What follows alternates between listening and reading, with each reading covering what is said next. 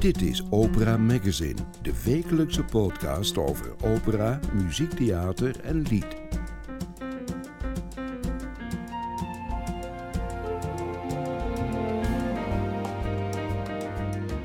In deze aflevering van Opera Magazine hoort u Lenneke Ruiten over haar rol als Donna Clara in Der Zwerg, de seizoensopener van de Nationale Opera.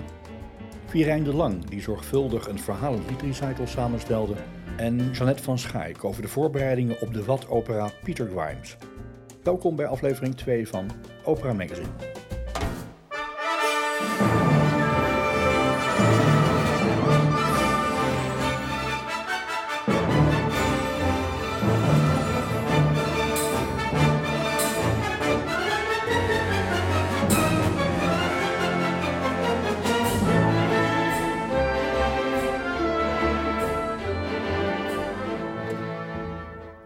Zo klinkt het begin van Der Zwerg, de opera van Alexander Zemlinsky die de opening vormt van het seizoen bij de Nationale Opera.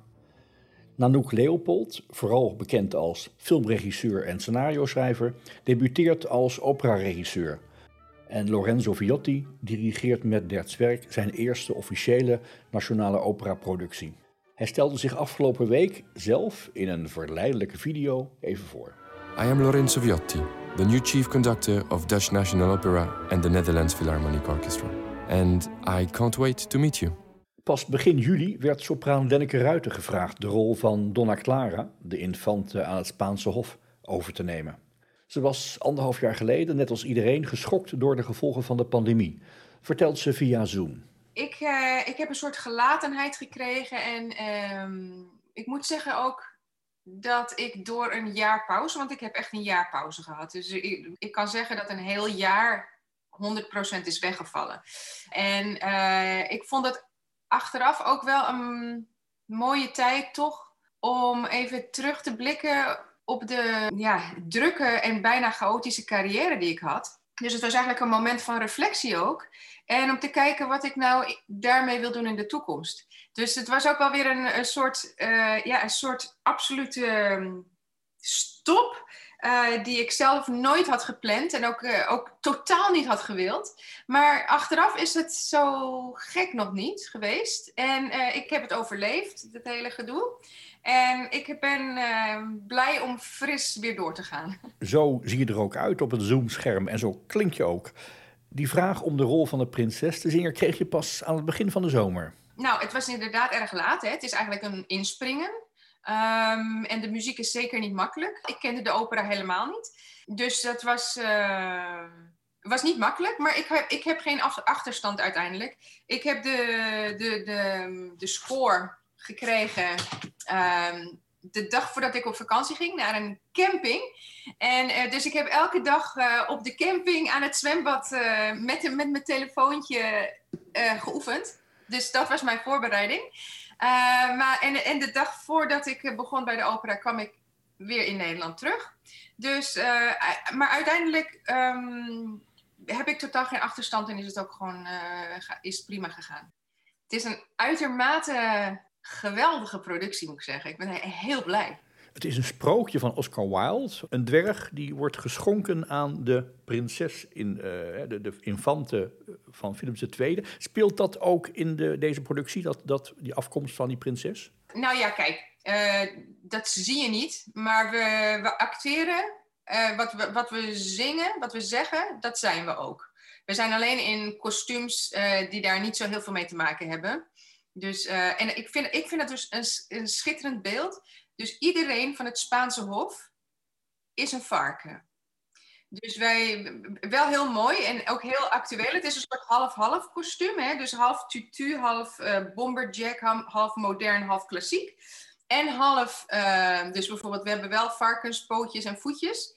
En de dwerg is eigenlijk het lelijke eendje. Dat is een, een schitterende vogel. Werkelijk ongelooflijk mooi kostuum met enorme prachtige vleugels met kleuren. En, en, en hij is dan degene die lelijk gevonden wordt. En dat vind ik nou wel weer een vondst Omdat het is maar net vanuit welk perspectief je het ziet. Natuurlijk. Het verhaal is heel simpel. De prinses krijgt als een geschenkje dat kleine mannetje, wat heel geestig gevonden wordt. Alleen hij weet niet dat hij klein is. Hij heeft nooit zich bewust zichzelf gevonden van het feit dat hij klein is, dat hij afwijkt. En hij wordt verliefd op die prinses. En even een stukje muziek. De scène waarbij hij die liefde uit is in, een, in de sinaasappel-aria.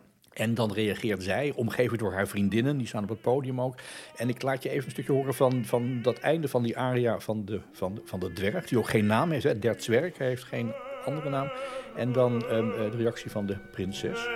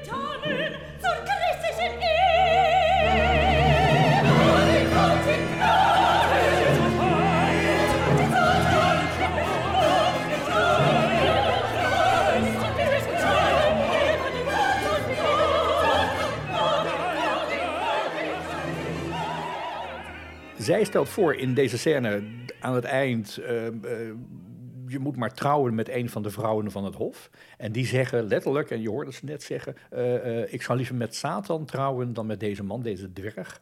Die prinses is een vrij gemeen type. Ja, zij is ehm, in alle opzichten extreem gemeen. En ja, zij is echt zeg maar de, de ergste narcist, ehm, psychopaat, gevoelloos maar ja, ook, ook een beetje door haar rol, hè? want zij is natuurlijk, zij wordt koningin en uh, zij, zij moet delegeren en, en zij heeft heel veel macht. Dus zij is ook opgevoed uh, eigenlijk zonder, zonder gelijkwaardigheid, zonder liefde, zonder, zij, zij, heeft een functie. Vanaf het moment dat ze geboren is, wordt zij opgeleid voor die functie. Dus in die zin, uh, ja, je kan je afvragen waar het mis is gegaan, zeg maar. Maar het is wel bij haar wel heel ja, afschuwelijk misgegaan, vind ik. Als, je ziet hoe zij uh, die dwerg uh, behandelt, en iedereen trouwens, hoe zij mensen behandelt. Dat, uh, dat is eigenlijk waar deze opera op gebaseerd is. De, eh, het feit dat zij nergens iets van een, een gevoel heeft, een menselijk gevoel. Terwijl de dwerg, die heeft juist nou, heel veel. Die, zijn, die, geeft zijn hart. In die, in die aria die je net liet horen, hij geeft zijn hart. En zij mag ermee doen wat ze wil. En dat doet ze dan uiteindelijk ook.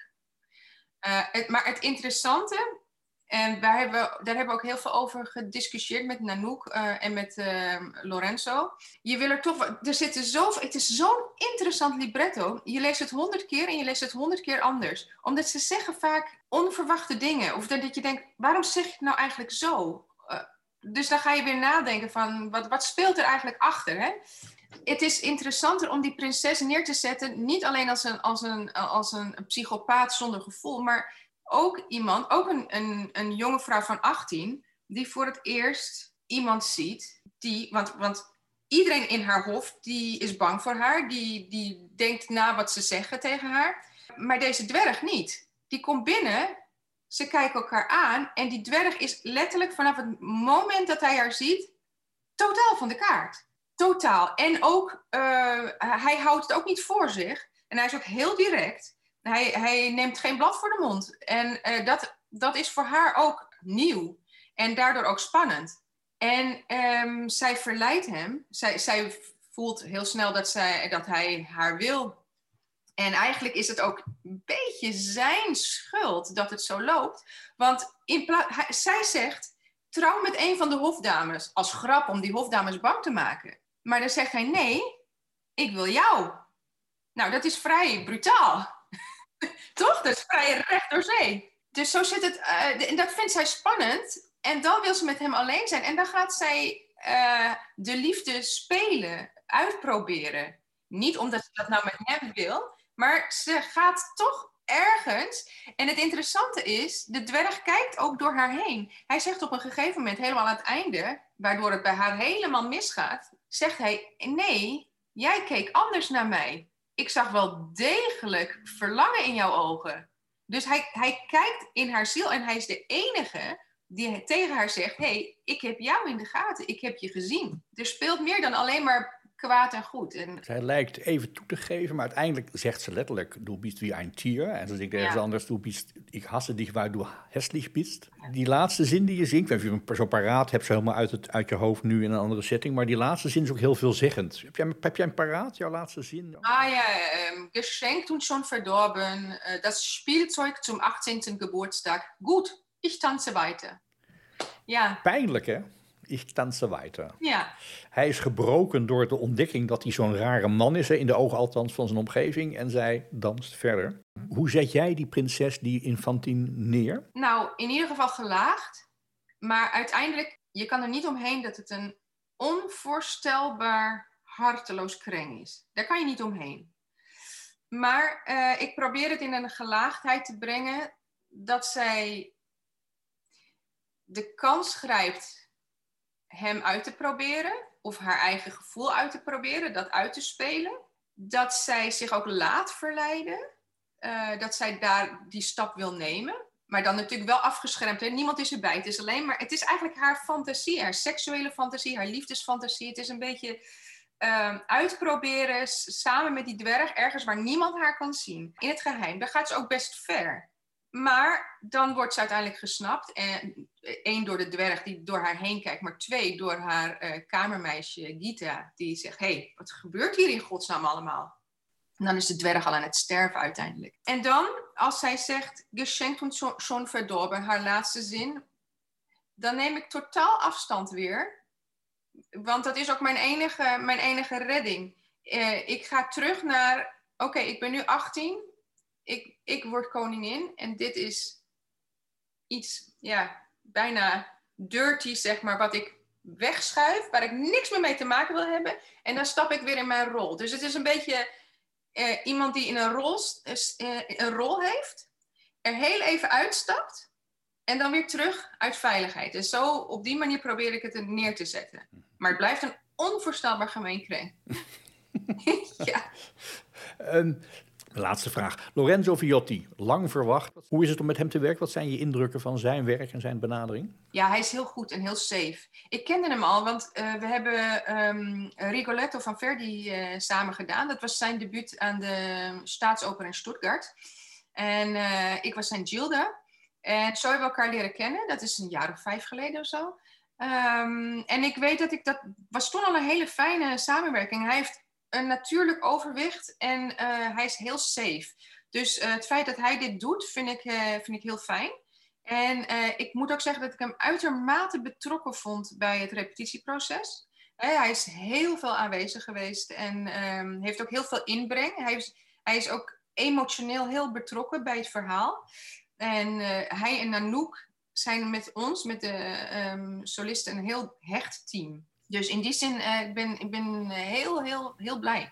Nou staat Lorenzo Viotti de hele avond in het donker. Jij staat in het licht. Niet zoals laatste keer, een jaar geleden, voor 30 mensen. Want jouw recital tijdens de uh, zomer van 2020 was met 30 mensen in de zaal. Een heel onwerkelijke situatie. Er mogen er nu duizend in, maal vier. 4000 mensen gaan jou zien in die rol van de infante Donna Clara.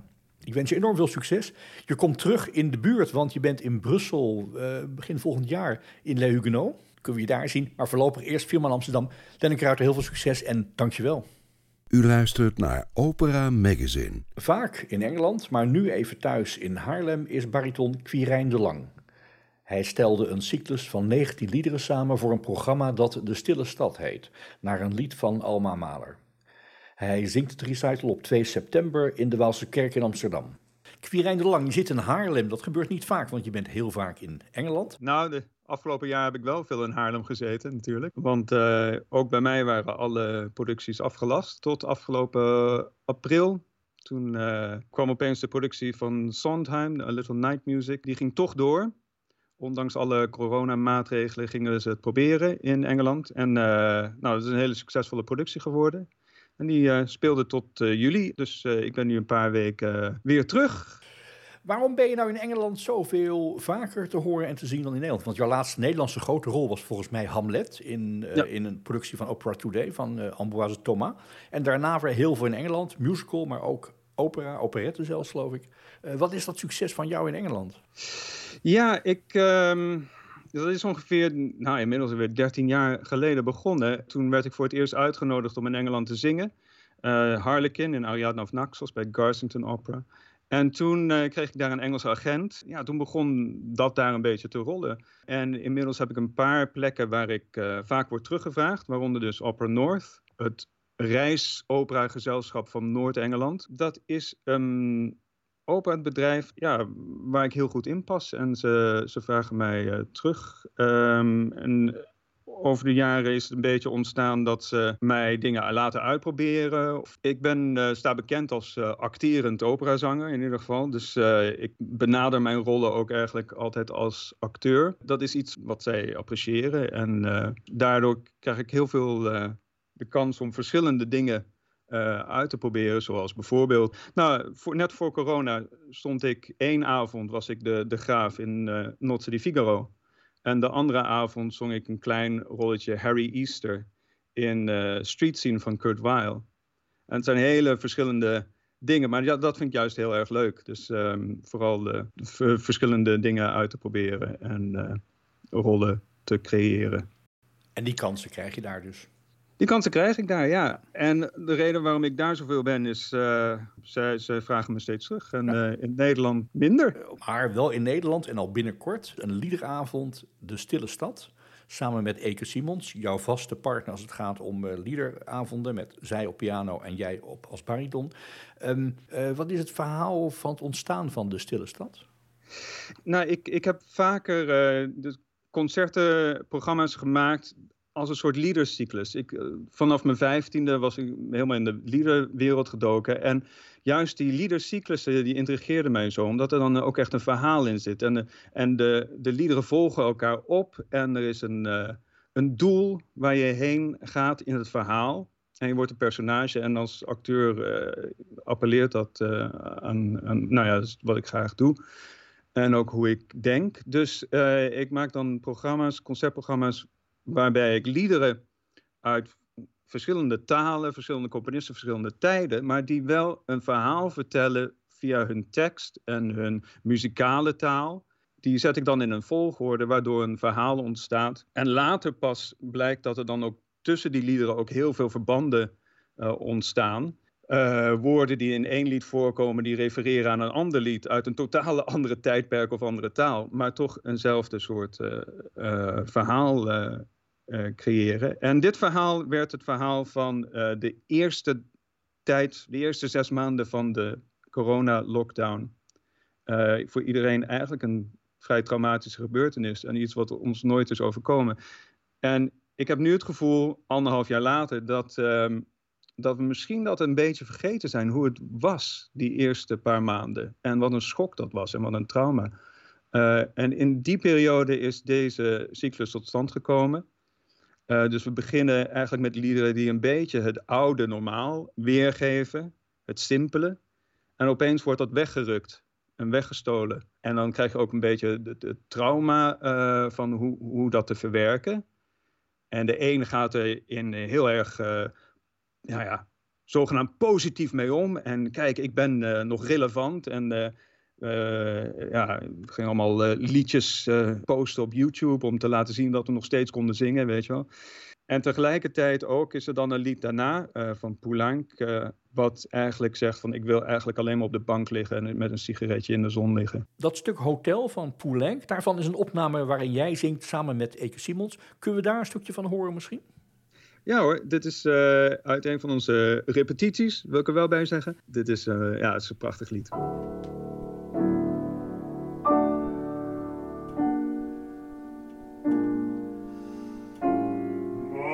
Oh.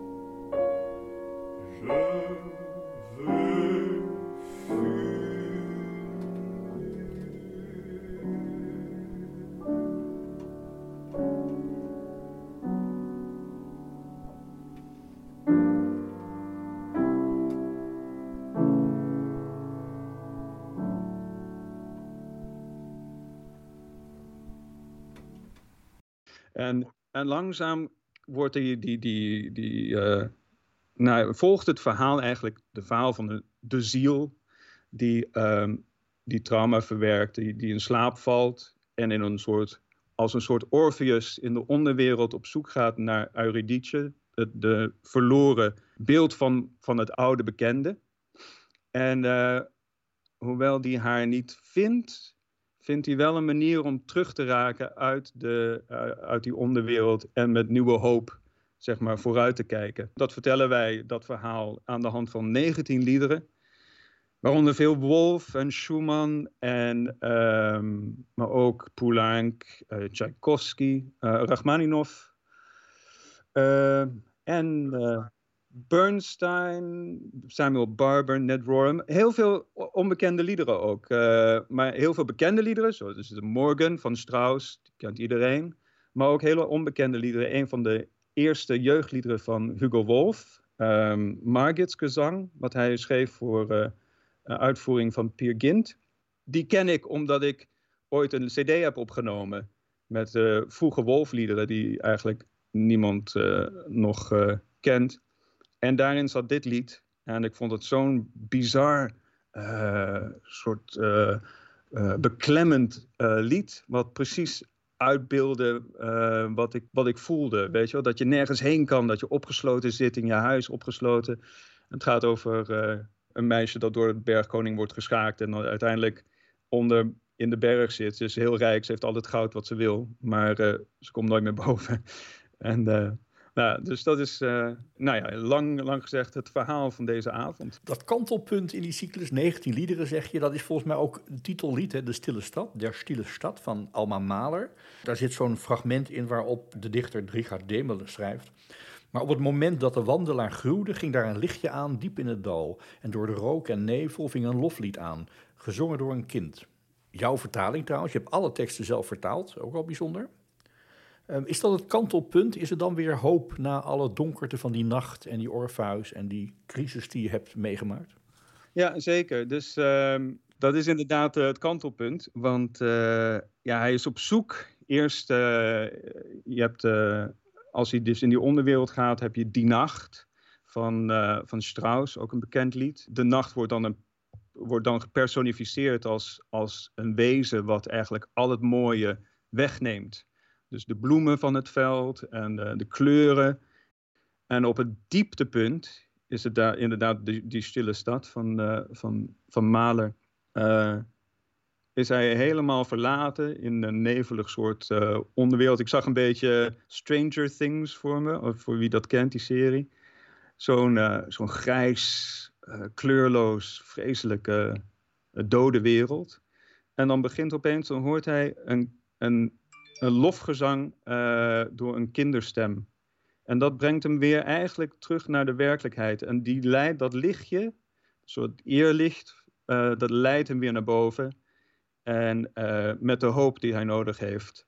En als hij dan weer boven komt, dat is het, het, prachtige lied van Rachmaninoff, de, de Lilacs. Ik weet niet hoe het in Nederlands heet. De Seringen dan ziet hij de wereld toch weer anders. En dan krijg je het mooie lied Morgen, waarin zegt van, nou, wij gaan samen vooruit naar, uh, naar het licht, naar de zon en niet meer de maan. Het lijkt me nogal een zoekproces om die selectie te maken, want uh, die liederen zijn niet toevallig bij elkaar gezet. Dat is, daar is over nagedacht.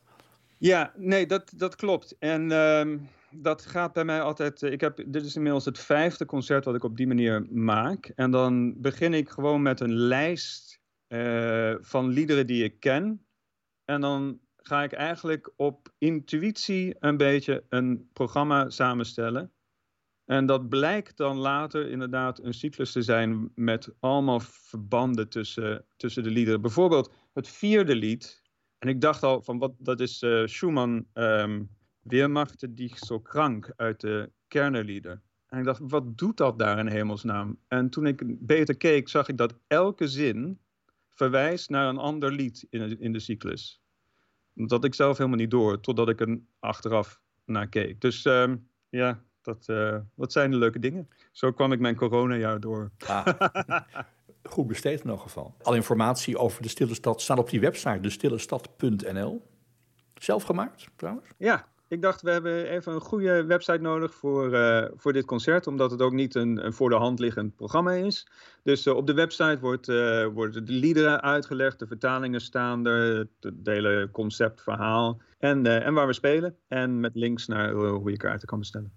2 september Waalse Kerk, de stille stad, met jou als bariton en Eke Simons op piano. Quirijn de Lang, dankjewel en succes met die uitvoeringen. Dankjewel. Meer informatie over de onderwerpen uit deze podcast vindt u op de website operamagazine.nl. Een hoogst ongebruikelijke locatie, maar zeer toepasselijk voor de opera Peter Grimes. Dat is het wat bij Pezens Moddergat in het noorden van Friesland. De cast van de opera, die op 10 september in première gaat, is al volop aan het repeteren en sopraan Jeanette van Schaik die de rol van Ellen Orford zingt, had even tijd om te praten over de voorbereidingen. Live vanaf de locatie waar, zo meent Omroep Friesland, je minstens eenmaal in je leven moet zijn geweest. Bij Ustuus is de regel, één keer in je leven mat je in Peerses moddergot westwezen. Want ze is nou zelf. En dan wijst de mevrouw van Omroep Friesland naar de dijk in Pezens Moddergat. Jeanette van Schaak, jij was daar in 2019 in december, lang geleden, voor een waterachtige shoot voor de foto, voor het, het campagnebeeld van Peter Grimes. Hoe was dat? Ja, dat was ook al wel een hele ervaring. Het, uh, het dorp zelf, dat is eigenlijk bijna een soort openluchtmuseum. Dus wat deze Friese dame, uh, als ik het goed begrepen heb, zei, dat klopt absoluut. Je moet er een keer geweest zijn. Um, dus de hele sfeer neem je eigenlijk meteen al wel mee. En dat, uh, ja, ik was er op dat moment voor die fotoshoot uh, voor het eerst. Wist natuurlijk al van de plannen om de opera daar plaats te laten vinden. En je kan je dat dan ook meteen helemaal voorstellen. Want het is echt, uh, ja, het is echt een oud vissersdorp. En ik liep daar natuurlijk in een enorme rode gala jurk over straat midden in december. de mensen stonden al achter de ramen een beetje te gluren en te kijken. te kletsen met de buren van wat gebeurt hier. En ja, als je daar op de dijk staat en je ziet de Waddenzee. En um, we hebben eigenlijk gewoon helemaal geen decor nodig. Want je hebt uh, de zonsondergang, de boten, de zee.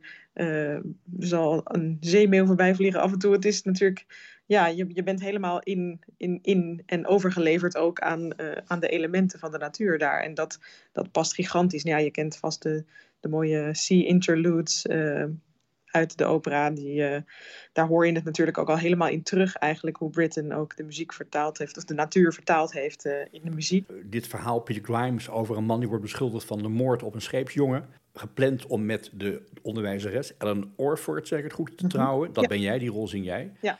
wat, wat, is nou, wat is de kern van, van Peter Grimes? Wat is de Ja, moraal? dat is, hij is natuurlijk een enorme eh, eh, anti-held eigenlijk, eh, vergeleken met, met vooral met andere opera-karakters die de, de titel van zo'n opera dragen. Ehm, is hij een enorme anti-held. Het is een gewone vissersman, een nurksig karakter. ehm, ehm, eigenlijk met, met de lieve bedoelingen, maar weet eigenlijk niet goed hoe hij dat moet uiten. Dus hij, ehm, hij, hij is wat, wat kort door de bocht en bot af en toe. En eh, hij heeft een jongen mee op zee genomen eh, om te helpen bij het vissen. eh, wat in die tijd ook heel gebruikelijk was. Een apprentice noemden ze dat. Ehm, die op zee is overleden, omdat ze dus in de storm terechtkwamen en geen drinkwater meer hadden. Ehm, en hij wordt dus eigenlijk door het, door het dorp en door het, ja, de, de massa eigenlijk een beetje een sociale outcast is die. Wordt hij eh, veroordeeld terwijl hij eigenlijk wordt vrijgesproken in dat, in dat, eh, omdat er geen bewijs is dat hij daadwerkelijk de jongen iets heeft aangedaan. Maar zo zie je eigenlijk dus hoe groot de kracht is van zo'n, van zo'n eh, community, van zo'n gemeenschap in, in, het, in het sturen van, van emoties en gedachten richting, richting zo'n karakter. Dat eigenlijk ga je als publiek vanzelf een beetje meekijken door hun ogen. Ja, dat maakt mijn rol dan weer heel erg mooi. Dat, dat ik blijf redelijk geloven in iemands onschuld en in het goede in iedereen. En ehm, dat maakt het wel een heel dynamische, dynamische opera. Want het gaat eigenlijk over hele alledaagse dingen ook. Het zijn natuurlijk dingen die, die mensen ook allemaal kunnen herkennen. Herkenbaar verhaal op een hele bijzondere plek. Arnoud Oosterbaan bedacht het ooit. Paul Carr, die we ook kennen van zijn Vliegende Hollander bij de Reisopera, die regisseert. Je bent nu, terwijl wij spreken, in Pezend Moddergat. Uh, wat gaan we ongeveer verwachten als het gaat om decor, tribunes? Is er al iets te zien van de opbau van de set en de locatie? Ja, zijn een aantal dagen geleden begonnen met de opbouw van de tribunes. Die zijn gigantisch. En het, het uh, orkest komt in een grote, ja, een soort doorzichtige tent achter ons uh, podium eigenlijk. Dus ze hebben een soort enorm houten vloer. Nou, enorm, het is echt 40 meter, dus dat is voor een operatoneel heel erg groot. Uh, dus dat wordt voor ons ook een grote uitdaging. Het wordt eigenlijk veel langere looplijnen. En ook in de, in de duetten en ensembles is dat natuurlijk een groot verschil vergeleken met of je echt dicht op elkaar staat normaal gesproken binnen een theater of hier echt uh, ja, een aantal meters tussen zitten. En ja, wat ik, wat ik zeg, het decor is eigenlijk de, het gehele plaatje eromheen. Dus uh, we spelen wat dat betreft in een redelijk minimalistische setting. Dus het zal er ook eigenlijk elke avond anders uitzien. En dat, dat ja, is het voor ons ook weer heel spannend, maar ook wel heel erg mooi. Je kunt wel een beetje zien hoe het gaat worden. Jullie hebben gerepeteerd eerst in de Harmonie in Leeuwarden. Nu kom je buiten. Wat wordt de grootste uitdaging voor jou als zangeres? Ja, je moet natuurlijk kijken, los van uh, dat het een, in zekere zin een vrij coronaproeven uh, productie is, want uh, alles waait weg. Um, en het is natuurlijk in de buitenlucht, maar um, ja, dat maakt het ook um, spannend. En zeker al de repetitieperiodes. Je moet goed voor jezelf zorgen dat je natuurlijk gezond blijft, want je bent natuurlijk redelijk overgeleverd aan, uh, aan het weer in veel omstandigheden. Dus uh, goed eten, veel slapen en uh, goed warm aankleden. En zorgen dat we, dat we met, al, met z'n allen de première halen. Kun je het operazangers eigenlijk aandoen? Dit idiote avontuur van meneer Oosterbaan?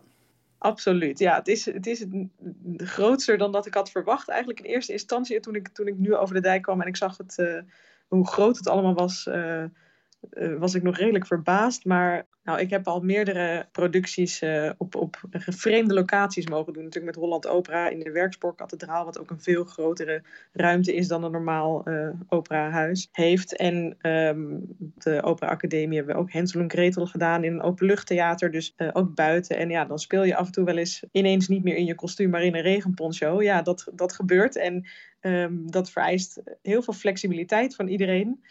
Um, maar ja, als je gewoon een hele fijne groep mensen hebt om mee te werken, wat dit absoluut is, uh, zo, zowel de, de cast als de, als de crew uh, eromheen, dan, um, dan sta je daar ook heel erg met z'n allen in. En dan, ja, dat enthousiasme wat je er dan voor hebt om het gewoon allemaal waar te maken, dat, uh, dat helpt dan ontzettend mee. Het is een prachtige cast. Albert Bonnema speelt Peter Grimes. Jij bent dus Ellen Orford, maar ook Wiert Withold, Marion van den Akker. Ganna Malkin zit erin, Leon van Lieren, Sinan Vural, Sander de Jong, Raoul Stefani. Allemaal namen op zich waar je al voor naar Pezens en Moddergat moet gaan. Wie dat zou willen, heeft volgens mij pech, want de kaarten zijn al uitverkocht, hè? Ja, het is uitverkocht. Ja, al heel snel eigenlijk. Dus er, er, was ook nog allerlei marketing. Uh, uh, dus onze foto's staan op, uh, op bussen die hier rondrijden in Friesland. maar zelfs toen waren de kaarten eigenlijk al, al uitverkocht. Heel zijn wij heel erg blij mee natuurlijk. Maar daaruit blijkt ook wel enorm hoeveel behoefte mensen hebben om weer iets, iets te ervaren en iets mee te maken. Dus daar zijn we heel erg trots op en heel erg blij mee dat dat, om dat te merken natuurlijk. Dat, dat die, die craving naar, uh, naar weer live theater er echt wel is. We hopen dat er wellicht nog extra voorstellingen kunnen komen, maar dat zal ook een beetje afhankelijk zijn van de, de maatregelen uh, die uh, in september eventueel nog weer veranderd worden. Er is een wachtlijst overigens op watopera.nl. Dus daar kunnen mensen zich inschrijven voor eventuele vrijgekomen kaartjes. Het wordt een geweldig avontuur volgens mij vanaf 10 september acht keer het nieuwe genre de Wat-opera. Hebben jullie eigenlijk ja. uitgevonden met z'n allen. Ja. Jeanette van Schaik, heel veel succes, heel veel mooi weer. Heel, heel veel plezier bij Peter Grimes, de Wat-opera. Dankjewel. Dit was Opera Magazine. Productie François van den Anker. Meer informatie en de volledige opera-agenda vindt u op www.operamagazine.nl.